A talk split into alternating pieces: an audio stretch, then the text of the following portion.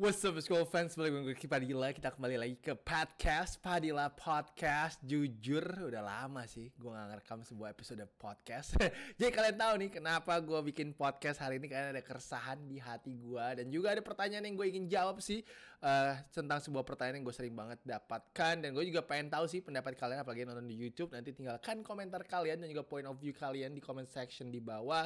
And shout out to everybody yang listening on Spotify Ataupun juga di Anchor Thank you so much for always supporting this channel. Really appreciate the support. Thank you so much for always supporting my movement. Uh, yeah. Tema hari ini sebenarnya sih pengen menjawab sebuah pertanyaan nanti gue akan tahu kalian pertanyaan itu apa. Sebelum itu kita uh, ataupun juga gue ingin mengucapkan selamat hari raya Idul Fitri untuk semua yang merayakan. Mohon maaf lahir dan batin. Uh, maaf banget kalau ada salah-salah kata di channel ini. Gue yakin sering banyak kata-kata yang salah di channel ini. So I'm so sorry. And yeah, please enjoy your time with your family catching up. Apalagi kalau setelah 2 tahun nggak ketemu. Hopefully everybody enjoying the time, eating good food, man. Opor ayam the best sih pasti ya. Dan ya, yeah, semoga kalian juga akan mendapat beberapa informasi baru di podcast hari ini. Um, jadi, sebenarnya kenapa gue bikin podcast? Jadi hari ini kan gue lagi santai ya. Uh, ini hari pertama gue bisa santai setelah kalian tahu kemarin ini gue sempet um, road trip tiga hari, tiga kota yang berbeda, tiga NBA playoff games yang berbeda.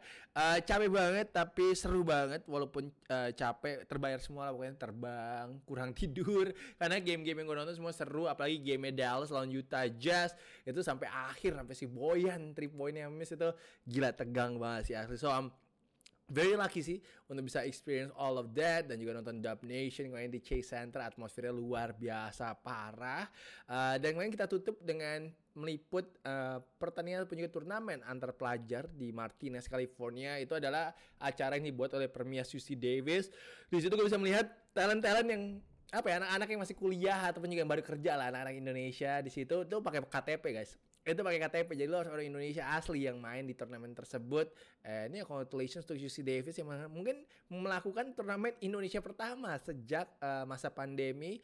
Uh, Walaupun memang timnya nggak banyak kemarin, tapi gue seneng banget karena gue bisa catch up dengan Miguel, dengan Azril. Itu adalah alasan kenapa gue ke sana juga. Uh, ya itu adalah juga turnamen tersebut gue nonton itu juga kenapa gue bikin podcast hari ini sih. Jadi balik lagi ke cerita gue hari ini lagi santai-santai di rumah. Tiba-tiba Instagram gue, Instagram tuh algoritmanya kadang-kadang ngeri ya bisa tahu aja deh lu maunya liatnya apa dan keluar langsung Instagramnya Phil M Nation. Kenapa Phil M Nation ini gue um, gue bawa dan juga bahas di podcast ini karena gue selalu mendapatkan pertanyaan dari subscribers gue dari followers gue tentang Koroki kenapa kalau talent dari Filipina itu nggak pernah habis.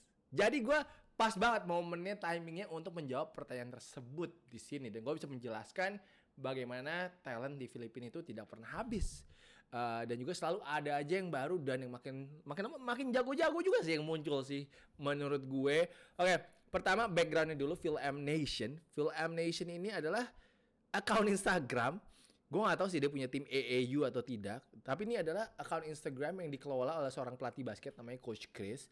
Um, gue pernah dikenalkan ke Coach Chris ini lewat Jacob Bela. Jadi bagi yang gak tahu Jacob Bela itu adalah seorang pemain basket yang gue liput waktu itu dia pemain Filipin masih SMA. Umurnya masih 15 tahun waktu gue liput sekarang udah 16 tahun. Tingginya 6 foot 5 sekarang ini. 6 foot 5 point guard. dan akan main di timnas Filipina junior uh, bulan ini. Nah, keluarganya Jacob itu dengan baik hati waktu itu setelah gue liput Jacob, mereka sangat appreciate gue banget. Akhirnya dia ajakin gue makan dinner dan di dinner itu dia memperkenalkan gue dengan Coach Chris karena memang mereka punya hubungan baik dengan Coach Chris. Coach Chris ini udah lama tinggal di Amerika di Los Angeles. Dia teman baiknya Alex Kebaknot uh, yang merupakan pemain PBA San Miguel Bierman. Uh, jadi dua orang ini yang membangun Phil M Nation. Ini Phil M Nation itu dibangun untuk bisa memperkenalkan pemain-pemain uh, memiliki darah Filipin di Amerika. Mereka bisa post di Instagram mereka. Lalu acaranya kemarin ini mereka bikin showcase dan juga All Star Game. Dan ini gue nyesel banget kemarin karena gue nggak tahu. Jadi ternyata acaranya itu pas gue lagi off season, eh off season, lagi pas lagi off day di mana itu tanggal 29 April. Uh, acaranya di Vegas sih yang pertama yang dibuat sama Alex Kebaknot dan juga Coach Chris ini. Mereka bikin acara All Star Game di mana mereka terbangin pemain-pemain dari seluruh Amerika dan juga Kanada yang menurut mereka jago dan juga memiliki darah Filipin dan di situ mereka bikin um, seperti showcase game di mana ada media day, ada media time, ada uh, skills juga, development dan juga ada All Star game sendiri. Jadi ini adalah luar biasa banget untuk memberikan exposure karena mungkin kepada pemain-pemain yang orang Filipina pun juga belum kenal. Belum kenal juga mungkin belum tahu juga nggak pernah dengar tapi karena ini mereka jago-jago semua ini adalah jagoan-jagoannya mungkin di high school mereka dan juga kemungkinan besar akan main di D1 ataupun juga di D2. Jadi sebagai outlet sebagai platform yang disiapkan oleh uh, coach Chris dan juga uh, Alex Baknot. Um, Alex Baknot legend di PBA, udah lumayan lama juga dia juga legend di Glendale, California. Uh, ketemu Alex sudah dua kali, sekali itu di after party setelah San Miguel juara, tapi gelap-gelap mungkin gak kelihatan. Lalu yang kedua makan siang sama temen gue juga yang pemain PBA uh, San Miguel Women juga namanya Marcio Lassiter uh, Junma Fajardo lalu juga Chris Ross. Tapi gue sih sama Alex gue yakin kalau muka sih dia tahu lah. Kenal lah kalau muka tapi kalau nama mungkin dia nggak tahu dan kode DM juga mungkin nggak akan dibalas juga sih gue tapi um, Alex Baknot ini juga punya niat yang luar biasa Uh, sebenarnya Film Nation sama Next in Line itu nggak beda jauh ya. Cuma Next in Line itu nggak punya event. Kalau Film Nation punya event. Bedanya itu aja. Jadi kalau ada yang mau sponsoring masuk, mau bikin event Next in Line, boleh tuh. Wah sekalian ya masuknya boleh lah ya tuh ya. Tapi pasti uh, Alex Buckner itu juga punya kemauan untuk punya platform. Apalagi juga di Amerika sekarang di California kita nggak boleh lupa ada Jimmy Alapak. Jimmy Alapak ini merupakan legend PBA, one of the greatest point guard in Southeast Asia. Dia pun sekarang jadi pelatih ataupun asisten pelatih di tim Jilikia Sacramento. Jadi California ini banyak nih komunitas Filipina nih. Komunitas Filipina gede banget menurut gue. Um, jadi itu kenapa mereka selalu ngadain acara dekat-dekat sini lah di West Coast gitu. Jadi si Phil M Nation ini uh, kemarin seperti gue bilang mengadakan All Star yang menurut gue damn jago-jago sih. Ada satu nih, gue mau kasih lihat videonya dia yang lompatnya tinggi banget sih. Ini dari Kanada, Phil Canada, uh, Phil Canadian, I guess. Lalu juga banyak pemain-pemain yang kayak campuran Amerika lah dan kita tahu memang uh, komunitas Filipina itu di Amerika besar banget even di seluruh dunia main lo kalau nonton basket ya di uh, Spanyol, Turkey, uh, Dubai, Qatar itu banyak banget main komunitas orang Filipina. Gue juga gak ngerti sih gimana main, uh, gimana caranya mereka bisa nyebar di seluruh tempat. Uh, tapi yang pasti ini kenapa talentnya mereka nggak pernah habis. Ini kita ngomongin cuma di Amerika ya. Kita cuma ngomongin di Amerika. Gue nggak tahu di Eropa. Gue nggak uh, gue nggak tahu di Asia. Tapi yang pasti kalau di Filipina sendiri kan ya mereka lebih gampang lah ya sama kita kayak kita di Indonesia. Cuma ini adalah kita ngomongin kenapa Phil M tuh nggak habis habis gitu. Kenapa Phil M selalu ada? Karena memang banyak banget orang yang tinggal di Amerika. Lu kok ke San Francisco, ke LA, uh, maybe Seattle itu komunitas Filipinanya gede banget dan selalu ada kayak Philippine Town. Itu di mana ada tempat-tempat makanan Filipin juga gitu. Um, Indonesia nggak segede itu komunitasnya nggak segede itu. Jadi uh, ini sangat menguntungkan banget untuk Filipin. Of course ada beberapa pemain yang mereka juga main di NCAA Divisi 1 kayak Remy Martin sekarang ini main, AJ Edu, uh, main juga di, di divisi 1. Jadi mereka memang punya talent uh, Kai Sodo maybe NBA. You never know this season going to the NBA draft. Jadi ini kenapa talentnya mereka nggak pernah habis-habis karena mereka juga penting. Dan ini kita baru ngomongin satu, satu dan itu main Jordan Clarkson datang sebelum gue lupa. Jordan Clarkson datang ke acara All Star-nya si Alex Kebaknot. Baru selesai playoff lawan Dallas. Datang dari ini menurut gue hal yang besar untuk itu terjadi karena of course akan menginspirasi Jordan Clarkson full M nyampe ke NBA. Anak-anak itu pasti akan bilang, oh ini standar gue harus segini nih. Harus bisa kayak dia nih. Dia ada di sini. This is a real person.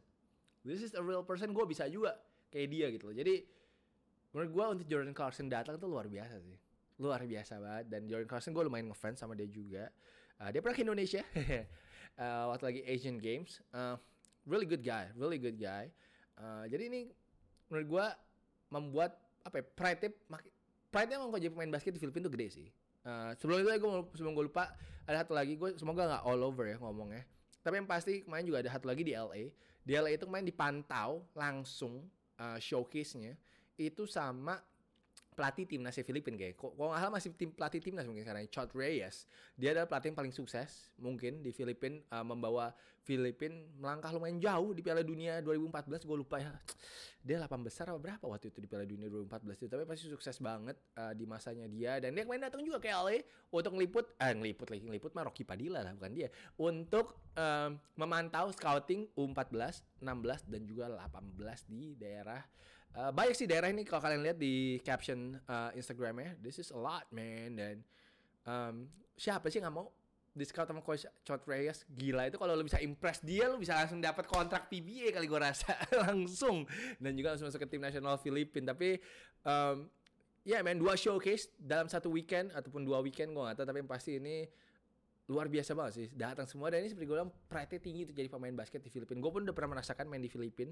Uh, gue main di University of Perpetual Help di Las Piñas. Uh, itu gue cuma main tiga bulan tapi gue bisa tahu lah hype-nya uh, pride-nya bangganya uh, kelebihannya karena gue waktu itu deket sama teman-teman gue yang main di San Beda. Waktu itu gue ada dua teman deket main di San Beda. Dia waktu itu lagi juara terus San Beda di NCAA selalu ngalahin Letran.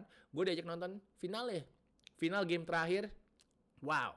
Di Araneta Coliseum kalau ada yang pernah ke Manila lo pasti tahu lah Araneta Coliseum itu segede apa itu full. Sampai luar pun masih full. Nggak ada tempat lagi.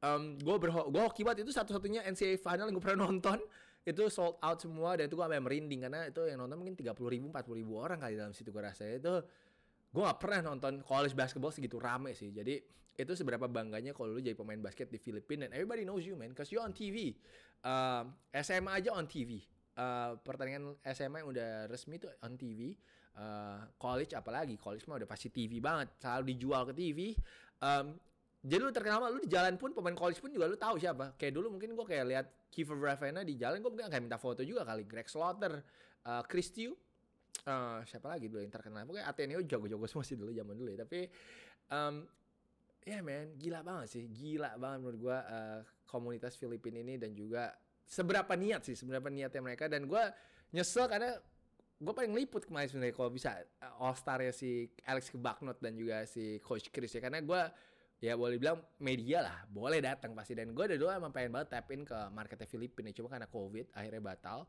Padahal gue udah punya plan mau ke Manila mau ngeliput SMA yang mungkin kayak nggak yang official ya nggak resmi lah.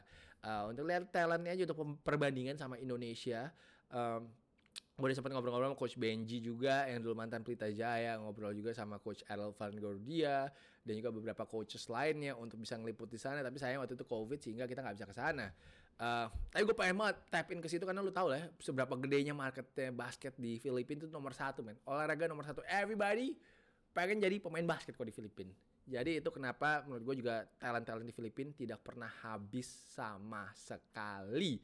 Um, it's nice dong menurut gue uh, acara yang di kayak showcase kayak gini nih biasanya diadakan satu tahun dua kali Uh, semoga gue berikutnya one day mungkin bisa datang juga untuk ngeliput. Dan akhir kalian juga bisa lihat sih talent talentnya SMA kalau di apa di Amerika tuh pemain Filipina tuh kayak apa sih gitu. Baru bisa kita lihat lah uh, dan juga perbandingkan dengan pemain-pemain kita di Indonesia. Uh, nah itu ada sedikit cerita tentang kenapa pemain basket Filipina itu talentnya nggak pernah habis. Sekarang pertanyaannya apakah kita bisa meniru apa yang dilakukan sama Filipina ini. Karena menurut gue saatnya sih Indonesia untuk mencari talent lagi sih di luar negeri ya. Karena gue tahu kemarin of course uh, timnas U14 ya kayak U14 U16 U18 kayaknya ada showcase di Indonesia. Kalau nggak sampai ada 200 anak atau berapa anak gitu datang. Which is good. Which is that, that's the right step the right step to do it karena itu banyak banget kayaknya anak-anak yang datang untuk bisa show showcase dari talents juga. Jadi itu langkah yang udah bener diambil sama Perbasi dan juga sama timnas. Gue harus kasih kredit itu kepada mereka. Uh, tapi menurut gue it's time to go big. It's time to go bigger. Kayak gue selalu dapat pertanyaan gue sih selalu dapat pertanyaan kayak kok Rocky emang nggak ada ya talent lagi di luar negeri selain ini gitu?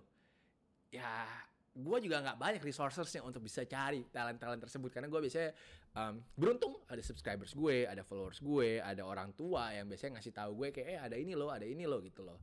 Um, emang sekarang di Amerika yang gue tahu cuma ada Alvariza yang akan ke Impact Basketball itu main yang diomongin sama Jeremy uh, di main basket, lalu ada Fatih Respati yang kemarin baru try out dengan tim nasional Indonesia kita. Uh, dia kabarnya Fatih mungkin bisa main divisi 2 kabarnya. Uh, lalu ada Gavin Ibrahim di Walnut High School. Dia akan masuk ke senior year. That's gonna be a big year for him. Dia juga uh, mencoba untuk bisa main di uh, Division 2 maybe or Division 3 nantinya. And of course ada TJ Maxson yang masih SMP dan ada Russell Nyo yang sebenarnya masih trying to find his way. He's still grinding. Uh, respect for him. Jadi itu adalah beberapa pemain yang gue tahu. Lalu ada Maddox Budiman gue nggak boleh lupa. Maddox Budiman ini tapi di Kanada. Waktu itu gue udah mau coba expose dia di uh, next in line. Tapi jujur gue waktu itu masih belum masih belum serak sama game dia. Mungkin gue harus nonton lagi highlightsnya. Karena of course di next in line itu walaupun gue udah disclaimer gue udah disclaimer bahwa oh ya anak-anak yang di, di next in line ini nggak semuanya pasti akan jadi gitu loh. Nggak akan main di IBL ataupun nggak akan main di timnas itu gue nggak bisa menjamin gitu kan. Kembali lagi yang gue masukin ke next in line itu ada standarnya. Gue punya standarnya gitu loh. Gue punya standarnya uh, lalu juga gue nggak bisa kontrol efforts yang mereka berikan setiap hari latihannya mereka. Jadi um, gue nggak bisa menjamin anak yang masuk next line pasti jago. Tapi gue punya standar dan itu kenapa gue nggak bisa masukin semua orang gitu. Karena ya of course kalau highlight saja itu tricky. Next line itu gue kasih tahu tricky. Karena kalau highlight doang kan itu semua yang bagus ya kan? Itu semua yang bagusnya. Yang masuknya uh, mungkin passingnya bagus kan tapi gue harus tetap lihat dong basic permainannya mereka punya basic sama punya fundamental bagus atau enggak dan itu yang jadi PR gue dan itu yang paling susah untuk dinilai gitu tapi um, gue tadi sebisa mungkin emang expose pemain-pemain muda yang orang belum kenal sih. Kemarin ini kita udah uh, expose dua Noah. Uh, gue masih mencari lagi nih untuk next inline berikutnya. Semoga aja uh, dapat nantinya. Tapi yang pasti uh, maaf banget kok gue gak bisa taruh semua orang di next inline sih. Tapi thank you so much dong main ini gue sempet kayak buka untuk orang yang mau ngirimin video highlightsnya, anak-anak yang mau ngirimin video highlightsnya, gue dapat lumayan banyak. Ada 7 ada 8 tapi gue say thank you ke semuanya. Uh, ya kemarin ini masih belum nemuin cocok sih. Tapi uh, hopefully one day. Oke, okay, itu untuk next line. Sekarang kita balik lagi ke Indonesia. Indonesia kemarin ini seperti gue bilang mereka udah melakukan showcase di Indonesia. Nah, kan timnas, of course timnas lah kita. Everything is for timnas kita ngomongin. Um, timnas kan suka latihan di luar negeri. Dulu di Lithuania, dulu of course di Mamba Academy, lalu di uh, of course Impact Basketball, Las Vegas. Uh, lalu sekarang kita akan mereka akan ke Australia. Mereka akan ke Australia sebelum uh, FIBA Asia di mana mereka akan melawan tim-tim divisi 2 ataupun juga divisi bawahnya NBL. Um, interesting. Nah, di sini nih, wah saya memberikan ide nih. Saya memberikan ide di mana Australia mungkin sama Amerika menurut gue komunitas orang Indonesia, gue nggak tahu ya, gue nih by feeling ya, gue by feeling harusnya komunitas orang Indonesia di Australia lebih gede dong. Iya gak sih? Harusnya. Jadi, gue yakin bisa lah nemuin 15 15 anak. 15 anak yang masih SMA atau udah kuliah uh, punya darah Indonesia walaupun gue tahu kalau harus punya paspor Indonesia sih. Karena kalau lu udah di atas 17 itu udah susah tuh paspor Indonesia setahu gue untuk main FIBA. Karena kalau untuk FIBA itu setahu gue peraturannya kalau mau dihitung lokal tuh harus 16 tahun dapat paspornya itu kayak Modu kayak Dame. Um, kalau Brandon Juaro jangan tanya Brandon Juaro special case. Itu special case karena FIBA waktu itu kasih dia main sebagai lokal karena bisa membantu Indonesia masuk ke FIBA World Cup 2023 nah Oke, okay, kalau Amerika mungkin masih jauh lah. Amerika mungkin komunitasnya nggak terlalu banyak gitu. Tapi kita ngomongin Australia dulu. Australia menurut gue 15 orang harusnya ada sih. Timnas tinggal ngepost mungkin di Instagram. Emang butuh effort, butuh effort, butuh keluarin budget dikit untuk sewa lapangan, sewa pela, sewa wasit gitu. Tapi menurut gue kalau ada Coach Raiko, ada Jeremy datang ke sana, orang pasti semua antusias gak sih? Antusias nggak sih semuanya untuk uh, apalagi kalau dibilang punya kesempatan untuk main untuk timnas Indonesia? Itu kalau untuk main timnas Indonesia of course pride-nya tinggi dong. Pride-nya tinggi banget dan semua orang pasti pengen. Jadi menurut gue uh, kayaknya udah saatnya sih Indonesia untuk mencoba mencari talent seperti meniru. Menurut gue tiru nggak apa-apa. Kita harus meniru yang udah berhasil gitu loh. Which is nggak masalah karena ya yeah, they doing it the right way and why not? Why not us doing the same way too um, kita coba dari Australia dulu gitu. Kalau Australia kita bisa dapat 15 pemain gitu, bikinnya scrimmage. Bikinnya scrimmage lawan timnas kita. And you never know, bisa ini mau satu atau dua yang benar-benar kayak outstanding. Kita we just need that one or two. One or two, that's all we need gitu loh. Uh, untuk dibawa ke timnasnya nanti gitu loh. Jadi semoga bisa terjadi dan itu kok kok jadiin konten YouTube meledak banget itu. Konten YouTube siapa yang nggak mau? Timnas Indonesia melawan anak-anak Indonesia di Australia. Oh my god, 100 ribu views sih enteng itu, cepet itu mah. um, ya karena kan sekarang ini kita nggak even tahu timnas kita apa perkembangannya kita nggak tahu karena semuanya katanya uh, Jeremy is all classified. So sayang kan mereka udah mau masuk, udah mau berangkat ke Vietnam untuk SEA Games, but I have no updates at all about timnas sekarang ini sih.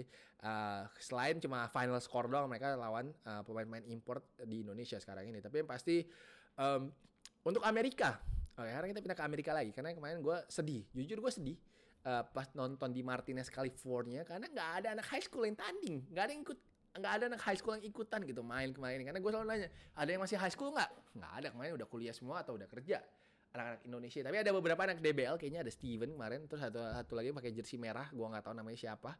Nomor 17 tapi itu syutingnya oke banget. Um, ya karena zaman gue tahun 2005 2006 kalau ada kompetisi antara orang Indo, turnamen antara orang Indo, itu harus ada empat atau ada lima ada enam yang main varsity basketball. Dan kita biasanya yang paling bacot. Kita yang paling bacot biasanya karena anak muda anak muda anak high school. Um, Iya kemarin gue agak sedih dan gue agak shock banget. Dan memang katanya gue main sempat ngobrol sama Ronald Pangela yang bekas pemain PJ juga. Uh, dia tinggal di daerah Redlands kayaknya sih ingat gue kemarin dia bilang.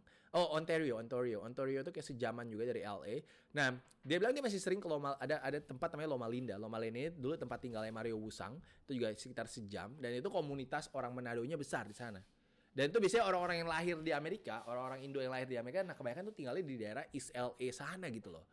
Jadi gue sempet nanya sama dia, banyak sih anak-anak uh, East LA, masih banyak orang Indo sih di East LA gitu, di Loma Linda ataupun di daerah Redlands gitu.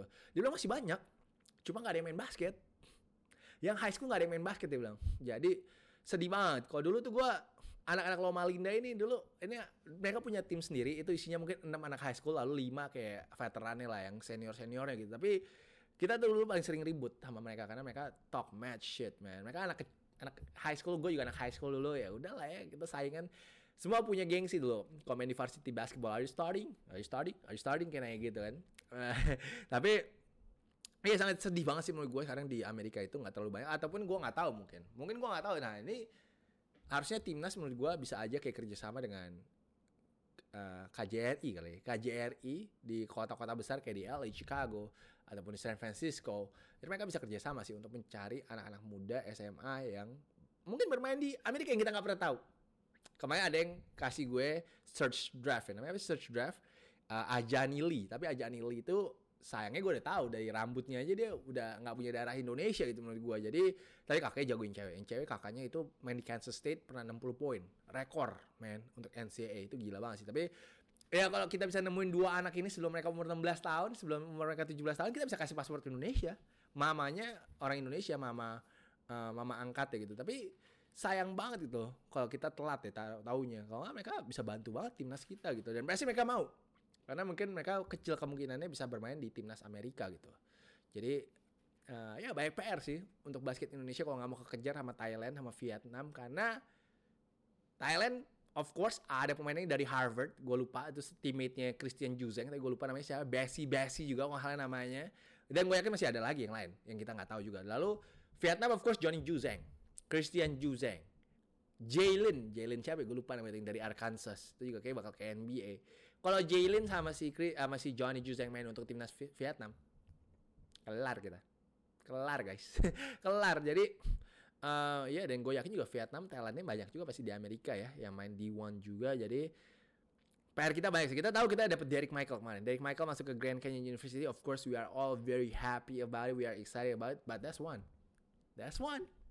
And all we need is one untuk buka pintunya. Semoga ini akan jadi inspirasi. Of course, gue mau say thank you kepada Derek yang sudah uh, membuat mimpi gue jadi realita. Kalau nggak salah gue pernah ngomong di interview gue di Urban, mereka tanya mimpi gue itu apa. Gue bilang mimpi gue adalah untuk bisa membantu seorang pemain nyampe ke NCAA divisi 1 dan itu terjadi dengan Derek Michael. Jadi gue pertama mau bilang sekali lagi terima kasih kepada Derek Michael. Uh, sekarang gue bingung mimpi gue apa. sekarang nextnya untuk channel ini mimpi gue apa gue bingung nih. Aduh, tapi semoga sih gue bisa membantu lebih banyak lagi lah untuk memberikan exposure ke anak-anak muda di Indonesia. Tapi ya podcast gue sih ini sih intinya adalah kenapa Filipina nggak habis-habis talentnya dan juga apakah Indonesia bisa mulai meniru uh, Filipina apa oh gue nggak lupa Belanda Belanda tuh mungkin banyak orang Indonesia di Belanda karena kita Noah Slingerland. Terus kemarin ada namanya kalau nggak salah Kaya siapa gitu. Dia juga DM gue. Tapi kemarin kurang pas. uh, dia dia shooter sih cuma ada dia punya punya punya potensi tapi masih belum cocok. Mungkin gue harus nonton lagi hal. Gue kadang-kadang kok kayak gini nih gue harus nonton hal kayak tiga kali empat kali baru gue kayak oke okay, ini kayak cocok nih masuk ke next in line kayak gitu sih. Tapi Belanda, they need to look at it. They need to go to Belanda. Check it. Check the scenes, man. Orang-orang itu orang Belanda juga pasti yang campuran banyak campuran Indonesia. Gue yakin. Di Amerika juga pasti ada lah orang Indonesia mirip sama orang Amerika. Kayak nggak mungkin nggak ada sih. Just gotta find it man. Harus put more effort saja sih. Gue juga diri gue juga I need to put more efforts. Jujur aja untuk channel ini untuk liputan gue nanti ke depannya I wanna put more efforts gitu loh. Uh, ya ini ada saat-saat yang crucial untuk basket Indonesia, apalagi akan masuk ke FIBA World Cup 2023. Jangan sampai mati hype-nya di 2023. Itu doang sih yang gue takutin. Gue gak mau hype-nya mati di 2023. Gue maunya hype-nya terus sampai 2030 jalan terus. Apalagi bisa dimulai dengan Derek Michael yang akan main di NCAA. So kita doain aja agar ada hal-hal yang terjadi untuk kemajuan basket Indonesia. Karena menurut gue ya yeah, it's time to take the next step aja sih. Nggak bisa kita terlalu comfortable cari talentnya di Indonesia aja sih. Karena kalau cari talent di Indonesia doang sih menurut gue terlalu comfortable. That's our comfort zone. Uh, we gotta put put in more effort sih. Itu judulnya sih. Put in more efforts dan juga kemauan untuk uh, mencari talent. Karena gue lo nggak banyak orang kayak Koroki cari dong. Koroki cari. I cannot. I'm by myself gitu loh. Dan gue juga nggak ada budget ya untuk bisa keliling seluruh dunia untuk cari talent juga gitu. Jadi I think Perbasi and Timnas they have to do it and they have to take the next step. And I think they have dengan ada Jeremy menurut gue they can do it they can do it and they have all the resources. They they know a lot of people they have a lot of connections. I think they could do it man. Udah tinggal mau atau enggak aja sih menurut gue sih. So that's my podcast. Itu adalah keresahan hati gue hari ini. Uh, ditunggu semua untuk komentarnya. Uh, very happy to finally get this off my chest. Hopefully you guys enjoy today's podcast.